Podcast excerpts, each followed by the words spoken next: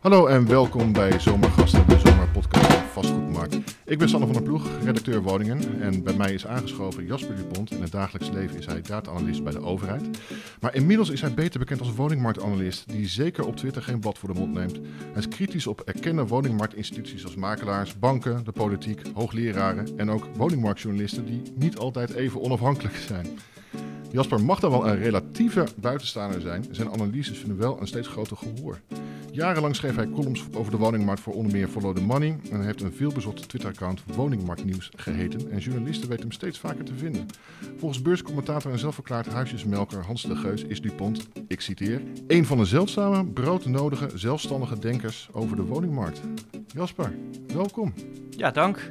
Heb je de hittegolf van de afgelopen dagen nog een beetje kunnen doorstaan? Een klein beetje. Ik heb een hele grote ventilator. Uh, dat hielp. en ik kan uh, redelijk goed tegen de hitte.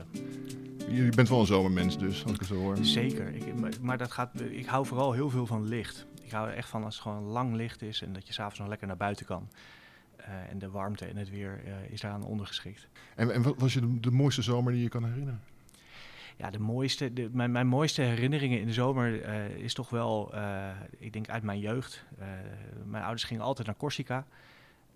En je stelde de vooraf de vraag van ja, wat, wat is je mooiste herinnering? Ik denk van ja, als de boot aankwam op Corsica en je zag door, door dat kleine raampje van het, van het schip, zag je dan de, de bergen opdoemen in de Middellandse Zee. De, ja, dat, dat blijft mij toch altijd wel bij als ik denk aan, aan zomer en zomervakantie. En dit jaar nog Corsica? Of, uh, nee, nee, dit jaar wordt het uh, wat dichterbij, uh, helaas. Oké. Okay. Maar Corsica een aanrader dus, als ik zo ben. Zeker, zeker. Oké. Okay. En in de zomer ben je dan ook nog zo actief bezig met de woningmarkt om het allemaal te volgen wat er gaande is? Ik ben er eigenlijk altijd stiekem wel een beetje mee bezig.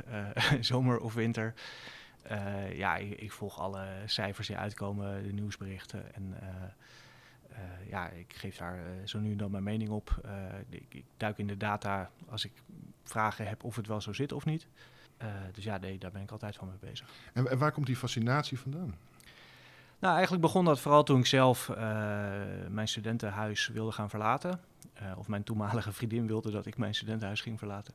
en wij gingen op zoek naar een huis en dan kom je erachter van ja, het is ontzettend duur. Je moet wachten als je sociale huur wil. En iedereen om me heen riep dat ik moest kopen en zo snel mogelijk. En, en echt zo'n gevoel van haast. En ook in Almere moet je al snel zijn. En dat is gewoon 2006. Uh, en ik, nou ja, ik dacht gewoon van joh, ik, heb geen zin om zoveel haast te maken. voor mijn gevoel is het te duur, maar ik kon het nog niet helemaal plaatsen. Uh, maar ik hoorde alleen maar dat ik moest kopen en snel. En nou ja, dan, dan word ik wat dwarsig en dan ga ik dat uitzoeken. En op een gegeven moment dus ook tegenin gegaan van... joh, nee, het is gewoon te duur, die prijzen moeten omlaag en ik ga het opschrijven. als niemand anders het doet, dan ik maar. Maar je ging het opschrijven. Waar haalde je dan die wijsheid vandaan, om zo maar uit te drukken?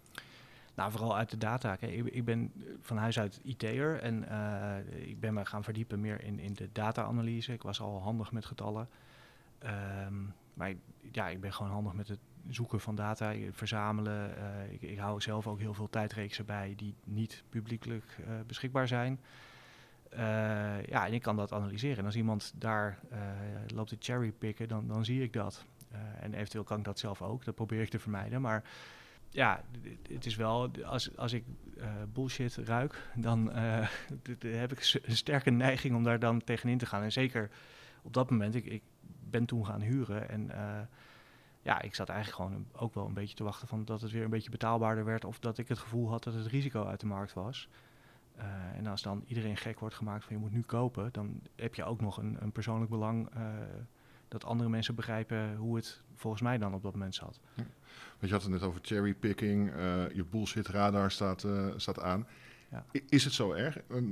waar komt die bullshit vandaan? Is dat, is dat in de media? Is dat wat woningmarktprofessionals tegen jou zeggen? Hoe zit dat precies?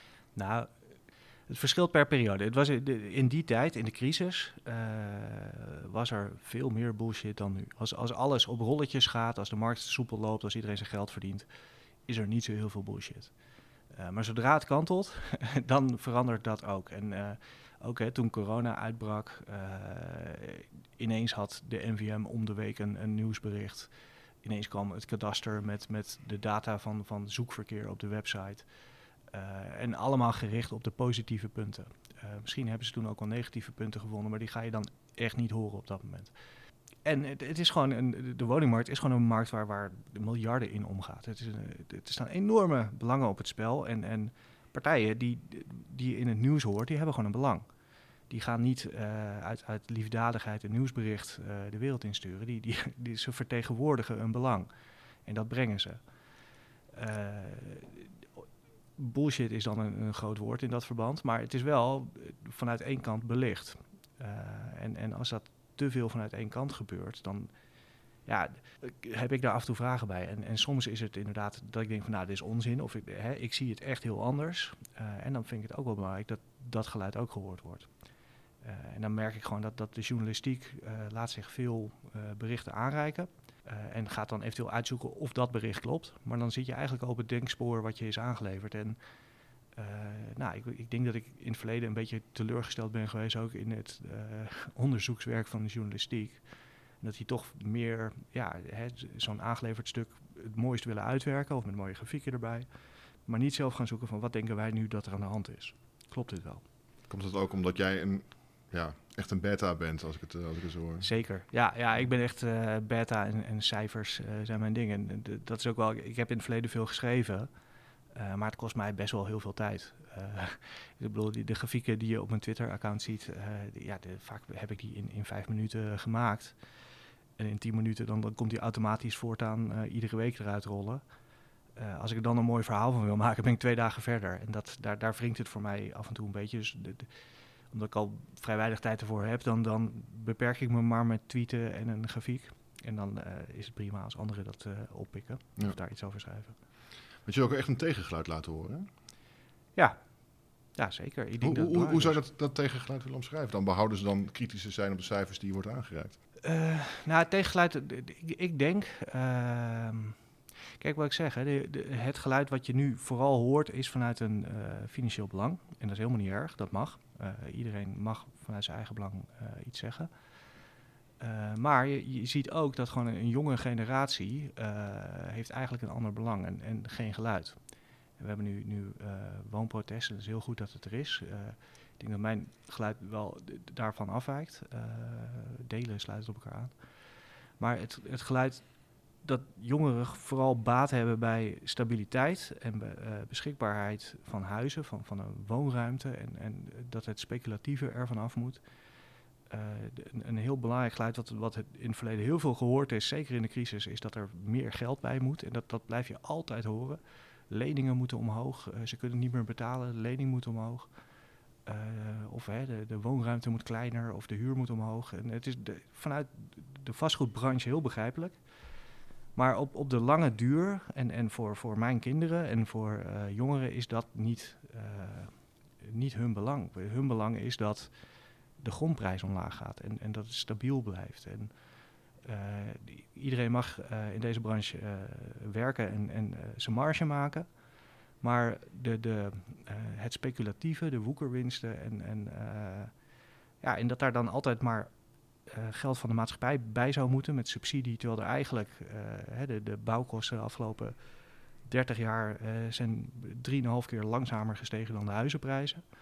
Dus er is heel veel ruimte in, in de grondprijzen om nog steeds fatsoenlijke woonruimte te realiseren. Alleen daar gaat de discussie nooit over. Het gaat altijd over, ja, die grondprijs is nu eenmaal zo. Uh, dus we kunnen alleen maar iets kleins bouwen. Dat heb je vaker gezegd, uh, uh, inderdaad. Ik bedoel, ik heb mijn, mijn huiswerk wat dat betreft gedaan. Merk je ook dat, dat je ook meer een podium krijgt voor dit geluid? Ja. Want je hebt al bijvoorbeeld een tijd lang komst geschreven voor Follow the Money. Klopt, ja. Ja, en, en nou, kijk, op zich toen ik voor Follow the Money schreef, zij waren toen ook vrij nieuw. Ze zijn wel echt sindsdien veel, veel groter geworden en bekender en, ja. en professioneler dan wat ik toen deed, denk ik. Wel nog een tijdje met ze meegegroeid en, en altijd heel blij geweest met dat podium. Dat, ik denk dat dat niet een enorm bereik had. Het wordt wel gelezen in de financiële branche en inmiddels misschien meer. Uh, maar afgelopen tijd merk ik zeker dat, dat journalisten meer de, mij benaderen van joh, hoe, hoe, kijk jij naar dit bericht? Of heb jij hier data bij? hoe zie jij dat? sommige journalisten die, die willen gewoon een verhaal vertellen en vragen mij van, ja, we hebben hier nog een lege ruimte, kun je daar een plaatje voor verzinnen? ja, daar ben ik ietsjes minder happig op. dit gaat mij toch echt wel, ik bedoel, het kost mij tijd en ik verdien er eigenlijk helemaal niks mee. Uh, dus het, ik vind vooral van belang dat, dat de boodschap overkomt. En uh, nou ja, ik heb in ieder geval vaker goede gesprekken met journalisten. Die, die zitten dan wel vaak van ja, het is heel interessant, maar ik zoek een haakje. En hey, je bent geen hoogleraar, je werkt niet voor een groot bedrijf in deze branche. dus Word je dan wel serieus genomen, aangezien je die titels niet hebt? Nou ja, dat is, dat is, heel veel mensen worstelen daarmee. Van ja, dit, ik, ik, kan je heel goed volgen, je hebt de goede data, je, je bent heel overtuigend. Uh, maar ja, wie ben jij? Uh, kan ik dit zo in de krant zetten? Dat, is een beetje raar. Uh, kun je geen boek schrijven? nou, dat zou ik kunnen doen, maar het kost ontzettend veel tijd en die heb ik dan maar niet. Ehm, dus ja, dit, dat is een beetje worstelen. En ja, wie weet dat ik in de toekomst wel een, een uh, stichting opricht. En uh, ik, heb daar wel gesprekken over lopen. Of, uh, het, zou heel fijn zijn als er gewoon funding voor zou zijn, überhaupt. Dat, er iets dat daar een vorm aan kan worden gegeven en dat je eraan kan werken op een professionele manier. Want het is nu altijd een beetje in de, de verloren uurtjes natuurlijk. Ehm, maar ik denk dat daar, daar worstelen heel veel, zeker journalisten mee. En tegelijk voelen ze ook wel van ja iedereen die wel op, uh, hier veel van af weet, die, die uh, nemen het misschien wel serieus. Of nou, niet iedereen, maar heel veel mensen. Hè, ze horen ook wel via via van, oké, er zit toch wel veel in. Dus ja, ze, ze, willen me graag een podium bieden, maar ze zitten er zelf ook mee van, ja, was nou gewoon hoogleraar geweest, dan had ik het meteen geciteerd. En andere, op andere momenten gaat dat dan wel weer makkelijker. maar ik snap die worsteling van hen ook heel erg. En ik, tegelijk, hè, ik vind het ook prima als ik op Twitter mijn analyse zet en, en iemand, weet ik het, bij de, de Rabobank ING zitten ook hele slimme mensen. En als die dan, als ik merk dat ze een, een klein stukje, uh, dat dat hun gedachten verder helpt, zodat zij daar iets over zeggen, uh, aangevuld, met, aangevuld met hun eigen analyse. Uh, ja, misschien kun je op die manier dan ook iets in gang zetten. Want je treedt wel in discussie met woningmarktprofessionals, om zo maar te zeggen. Ja, nou ja, vooral via Twitter dan. Uh, heel af en toe heb ik er wel iemand aan de telefoon. Maar ik, ik ben wel best wel een outsider wat dat betreft. Uh, maar ik sta open voor iedere discussie. En als je het onzin vindt, ja, moet je, dan moet je het roepen. Uh, dan hebben we het erover. Um, dus ja, ik, ik, de, zeker. Ik, ik, krijg af en toe wel kritische opmerkingen. Ja. ja, want als je een tegengeluid produceert, dan kun je ook tegenwind verwachten, lijkt me. Ja, en op zich valt dat, dat valt nog reuze mee hoeveel tegenwind dat is dan. Want de, zeker, uh, ik, ik ben echt van mening, hè, als, als, uh, als woningen te duur zijn, moeten gewoon de prijzen omlaag. dat uh, zeg ik regelmatig. Als huizen te duur zijn, moeten de prijzen omlaag en niet de leningen omhoog. Um, want heel veel partijen pleiten dan voor de hogere leningen. En, en je verwacht dan heel veel tegenwind, maar het, het is helemaal niet zo. En ook in mijn omgeving, eigenlijk is er best wel heel veel consensus van mensen van nee, het is niet goed geregeld op dit moment. En nee, we doen te veel prijsopdrijvende dingen, uh, daar heb je gewoon een punt. Dus dat, dat valt reuze mee eigenlijk, denk ik. Af en toe wel op, op de inhoud, en, maar ja, uh, dat, dat, waardeer ik dan ook als ik tegenwind krijg, dus prima. Ja. Hoe, hoe, hoe, kijk je tegenaan tegen het beleid van Hugo de Jonge? Ja, ik vind dat lastig. In de breedste zin des woord. ja, dat is moeilijk. Hij, hij, is nogal wat van plan. Ja, hij is heel veel van plan. Uh, en veel zal denk ik ook gaan zitten in de, de fasering. En er zal nog weer uh, discussie over komen uit de, de finesses. Uh, ik, ik, denk wel, kijk, hij, hij komt daar en hij, gaat, hij wil meters maken. hij wil het ook uitstralen dat hij meters maakt. En dan ga je dus voor de, de, de lange halen snel thuis. dus ik, ik, verwacht gewoon dat daar zometeen komen de, de grote bouwprojecten, de grote polders gaan volgebouwd worden. En misschien moet dat gebeuren. Ik bedoel, als we daar democratisch tot die conclusie komen, is dat prima. Uh, ik vraag me wel af of dat nou de beste uh, plekken zijn en, en of, uh, nou, of we dan. Er, gaan ook miljarden naartoe voor de infra. En denk van ja, oké, maar die, die grond is ook ontzettend veel waard geworden. De, de, ik hoor de discussie over de planbatenheffing, maar mondjesmaat. af en toe dan. Wat bedoel je daar precies mee? Nou, neem, neem zo'n polder Rijnenburg. Als daar zometeen uh, 20.000 huizen mogen komen, dan, dan wordt die grond gewoon echt enorm veel meer waard. Ik geloof dat Follow the Money laatst uh, kwam dat dan de waardesprong per vierkante meter van 6 naar 40 euro zou gaan. Ik zou zelf denken dat het nog wel veel meer is, 500 euro per vierkante meter. Uh, dus dat is een enorme winst. En tegelijk wil Hugo de Jonge miljarden uittrekken voor de infrastructuur. Komt er misschien, wordt de, de, de metro doorgetrokken of de tram. Uh, dat komt dan allemaal vanuit het Rijk. En dat is dan geld wat het Rijk moet gaan lenen. Wat, wat jij en ik moeten gaan terugbetalen met uh, belasting op ons inkomen. terwijl die, die grondeigenaar die, die strijkt die winst op. En het is een veel moeilijkere discussie. en ik denk dat er heel veel de, de, de makkelijke punten wel snel binnengehaald gaan worden. Dus bouwen, bouwen, bouwen en meters maken en veel huizen. Ja, en dan denk ik van, oh, oké, misschien is nodig. Maar lossen we dan alles op? Dat, dat denk ik dan niet. Uh, ja, en, en, voor de rest valt mij ook wel op aan Hugo de Jonge dat hij de, de, zijn taalgebruik is vrij zorgvuldig. Hij neemt wel woorden over uit de tegengeluiden over volkshuisvesting. Um, maar of hij dan, of het echt vanuit hem komt dat hij dat wil, uh, dat, dat weet ik dan nog niet zo. Of dat het meer dat, dat er al een plan was en nou, dit, dit sluit daar mooi op aan en dan krijgen we iedereen mee. Ik ben gereserveerd. Ik moet nog zien hoe het allemaal gaat uitwerken en wat, er, wat de finesses worden. Hij is wel veel van plan en het reguleren van huren bijvoorbeeld ja, zou ik heel erg voor zijn. Ja. Oh ja, daar wilde ik net even op inhaken. Want je zegt van ja, goed, de, de lange halen snel thuis bij sommige dingen zoals bouwen, bouwen, bouwen. Dat is misschien nog wat het makkelijkste van, van, van zijn agenda, zeg je. Ja.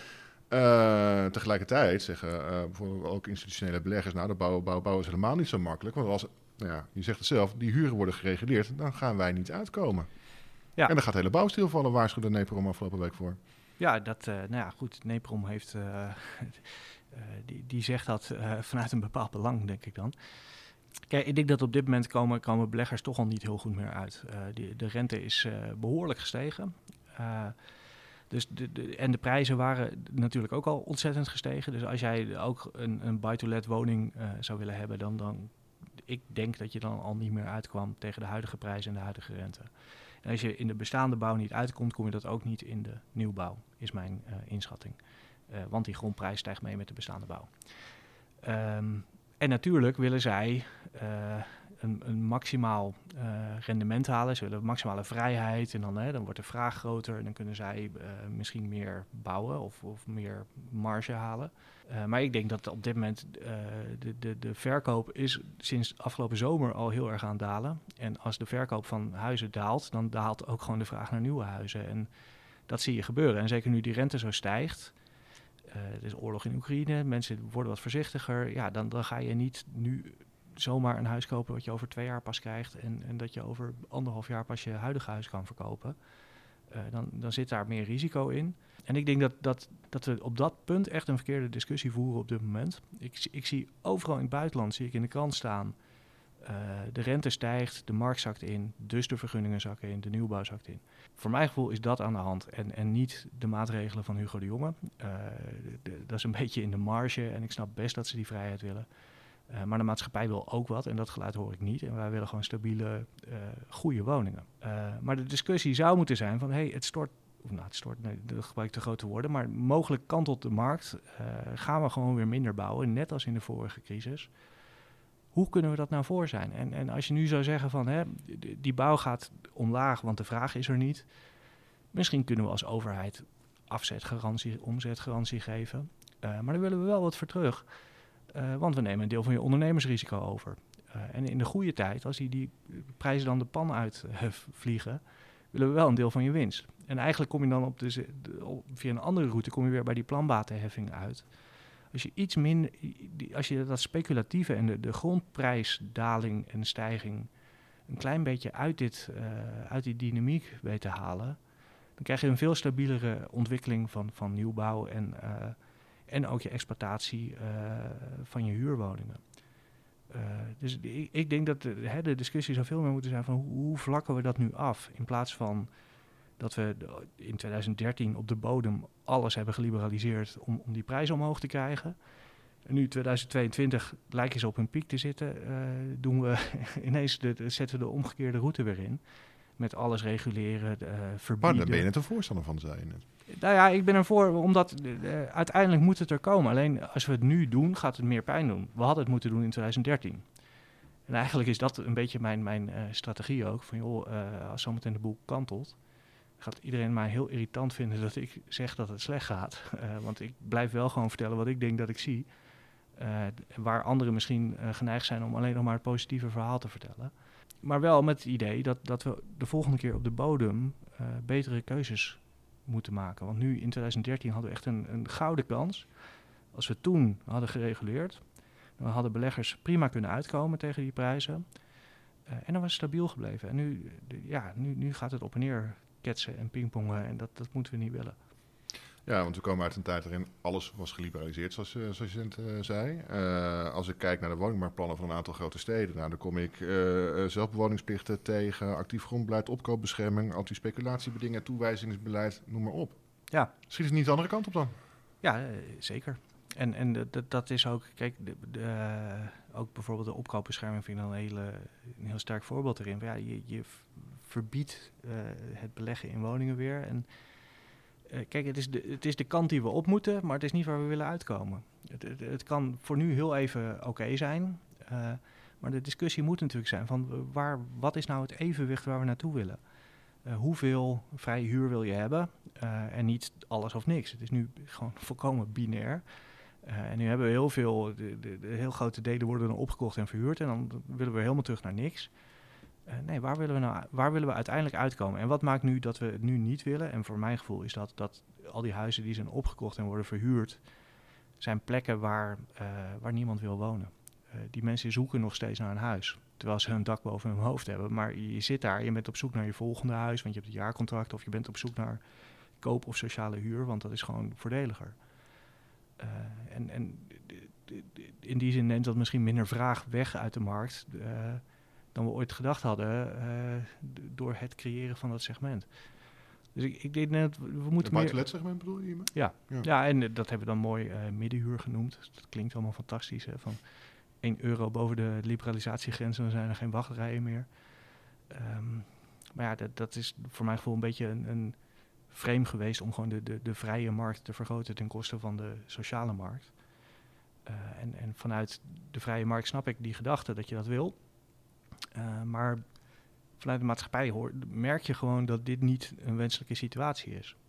En ik, ik gun het de, de, de corporaties evenveel als de beleggers. Alleen het geluid wat de maatschappij nu wil, uh, sneeuwt onder. En dat hoor je niet zo. Want de, en, en misschien, nou, misschien raken we daar de kern van, van, uh, van mijn frustratie wel.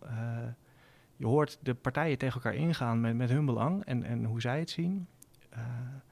maar waar is het geluid vanuit de maatschappij? En ik mis dat. En uh, bijvoorbeeld ook bij woonprotest vind ik het heel diffuus wat ze dan willen. En ik vind het heel goed dat ze er staan. Alleen, hè, en, uh, maar die onvrede die snappen we nu. Maar dan zie je toch weer dat dan uh, de bekende partijen vanuit de vastgoedwereld... die komen dan wel met de oplossingen. En ja, in de discussie mis gewoon meer van wat hebben wij eraan als maatschappij? Aan, aan de exploitatie van die grond, aan, die, aan zo'n middensegment. Willen wij dat dan? Ik denk niet dat het is gekomen vanuit een maatschappelijke beweging. Ja, maar die, de partijen de vastgoedwereld die zeggen natuurlijk ook terecht... wij zijn degene die die huizen ontwikkelen. Wij zijn degene die die huizen bouwen. Ja. We hebben met z'n allen blijkbaar afgesproken... tenminste, Hugo heeft dat met ons afgesproken... dat, uh, dat we per jaar 100.000 huizen gaan bouwen. Wat ambitieus is, maar toch. Uh... Ja, maar ik denk dat die 100.000, dat kwam al wel enigszins vanuit de ontwikkelende partijen. En, en uh, meneer de Jonge heeft dat overgenomen. Uh, maar het is niet dat. De, de, dat is niet de, de, Natuurlijk is daar een maatschappelijke wens. Die huizen moeten er komen. Maar we moeten het er ook over hebben van wat voor huizen en, en hoe. Wat voor mensen willen daar wonen? We hebben het altijd over de doorstroming. Maar ja, ik vind het prima om te blijven zitten. Ik zit lekker. En eigenlijk in een goed huis wil je blijven. Uh, daar hebben we het nooit over. En uh, ja. maar goed, je, je hebt wel gesteld, je, je hebt drie kinderen als ik het goed heb begrepen. Ja, drie zoons. Hoe komen zij aan een huis later? Nou ja, dat, dat is mijn zorg ook, ja. Uh, nou, en tegelijk, weet je, het, het gaat in golven. Dus misschien dat ze dan net uh, op het goede moment uh, de markt betreden. Maar ik kan niet nog drie huizen gaan kopen. Dus, je hebt geen jubelton liggen? Nee, nee. Nou ja, ik, op dit moment zou ik misschien mijn overwaarde dan kunnen, kunnen uitlenen. En ik heb zelf mooi op de bodem gekocht in 2013. Dus ik heb wat overwaarde. Maar uh, uiteindelijk, zij moeten met hun inkomen ergens fatsoenlijk kunnen wonen. En niet met een erfenis of met uh, een jubelton van mij. Het, moet veel meer gaan over dat het je eigen verdienste is en uh, dat het aan je inkomen is gekoppeld. En in die zin, ik denk, ik ben echt optimistisch over de stijgende rente. Kijk, op dit moment levert het minder betaalbaarheid op, maar ik denk dat hoe hoger de rente, hoe meer het weer gaat afhangen van je inkomen en hoe minder het afhangt van kapitaal in, in brede zin. Ik denk dat de afgelopen jaren met die lage rente ging het veel meer om, om beleggen en om het doorgeven van, van vermogen van, van je ouders als, als je toevallig in een rijk nest uh, geboren was. Uh, als die rente stijgt, zie, dan hoop ik echt en denk ik dat dat uh, weer meer gaat over, hè, als je een goede baan hebt krijg je een mooi huis, een minder goede baan een, een minder mooi huis. en dan moeten we nog met z'n allen iets verzinnen dat iedereen een huis heeft. maar dat wel weer meer gaat over je inkomen en minder over vermogen. Ook minder over, over creditering dan, denk ik ook. Over creditering of over creditering? Overkreditering, nou niet te veel leent voor een woning. Ja. Gezien die lage rente. Uh, ja, zeker. Ik denk dat veel mensen een hoop risico's hebben genomen. En dan denk ik eigenlijk vooral ook aan de buy-to-let uh, TikTok-investeerders die je voorbij ziet komen. Die, die, die de buy-to-let TikTok-investeerders? Nou ja, je ziet af en toe van die TikTok-filmpjes van mensen die lopen te pochen met hoeveel huizen ze hebben opgekocht. En dat zijn dan vaak, weet ik het, twintigers die dan voor het eerst uh, de beleggingwereld instappen en totale cowboys zijn ik denk dat daar wel wat risico's uh, boven water gaan komen nu de rente stijgt. Ja. Ik denk dat op zich met de nieuwe norm dat we het redelijk onder controle hebben in de, bij de consumenten. Ik, ik, maak me wel zorgen over alle uitzonderingen en explains die, die uh, via NAG vaak uh, worden bedacht hè, voor ZZP'ers, flexwerkers. Ik denk nou, het is toch wel link, uh, in mijn ogen. Het wordt vaak bedacht in een opgaande markt en, en het moet even nog blijken hoe, hoe stabiel dat is als de markt weer daalt. Dus jij, qua overkreditering, volgens mij zie je dat pas in een crisis. Uh, en tot die tijd, uh, dat, is, dat is meestal, dan, zolang het goed gaat, gaat het goed. en je gaat pas zien als het, als het inzakt. Zie je de beleggingswereld op de woningmarkt ook veranderen? Ja, ik heb daar niet heel veel zicht op. Ik denk wel dat Ik volg wel redelijk de, de, de prijsdalingen bijvoorbeeld hè, op de, de woningplatforms. En ik zie dat het aantal prijsdalingen neemt toe. Ik zie dat nu ook wel gebeuren rond de, de, de drie ton, uh, waar toch voorheen heel veel beleggers actief waren.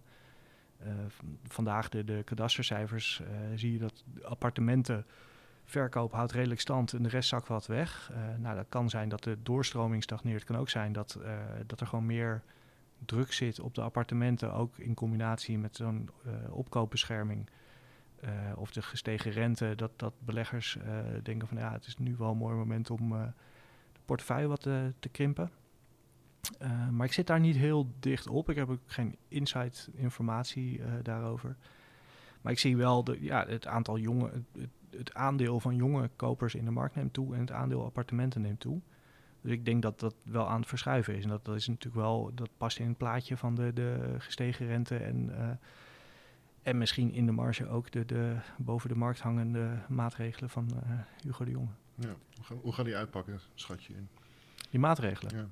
Dus de, de regulering? De regulering vooral, ja. We, we, we, hebben ja. net, net gehad over uh, nou ja, de grotere institutionele beleggers die zeggen, nou ja, wij komen niet meer uit in onze ontwikkeling. Mm -hmm. Uh, door, die, door die aanstaande regulering. Dus die bouw gaat uh, stilvallen, had Nepal het zelfs, zelfs over. Ja. Buitenletters ja. die de markt wellicht gaan verlaten. Ja, ja mijn, mijn, mijn aandacht gaat dan toch vooral uit naar zo'n Nepal, moet ik zeggen. Want ik denk dan echt van, joh, die, die, die, die grondprijs kan ook omlaag. En, en waarom is zo'n ontwikkeling... Ik denk dat het heel ongezond is dat zo'n ontwikkelende partij zal nooit beginnen over de grondprijs. En de, die verwevenheid, uh, daar, daar, moeten we volgens mij meer over hebben. Want uh, een, een, bouwpartij wil gewoon bouwen. En als de grondprijs daalt, eigenlijk, het zou voor de stabiliteit beter zijn als die daar dan geen last van had. Uh, maar omdat we het nu zo geregeld hebben dat degene die die grond heeft mag het bouwen, is die verwe verwevenheid groot geworden. Um, ik denk dat we daar vanaf moeten. Gaat het ook die kant op, aangezien uh, nou, de markt lijkt aan het kantelen nu te zijn. De prijzen gaan nog steeds jaar op jaar gezien nog wel omhoog. Um, ja, maar dat, dat duurt even voordat je in jaar op jaar cijfers ziet dat die ja. daalt. Uh, het is op zich wel opmerkelijk, want de NVM had natuurlijk in het eerste kwartaal een, een daling van 2% uh, gerapporteerd. Ja. Uh, is bij het kadaster helemaal niet geweest. Nog steeds niet. had ik nu wel verwacht. Ik denk dat op dit moment kadaster ongeveer 4,5 maand achterloopt op, op NVM op basis van mijn data. Uh, maar je ziet het wel stagneren. Het stijgt niet meer maand op maand. Uh, en maand op maand kan een beetje seizoensinvloed in zitten. Dus dat is link om naar te kijken.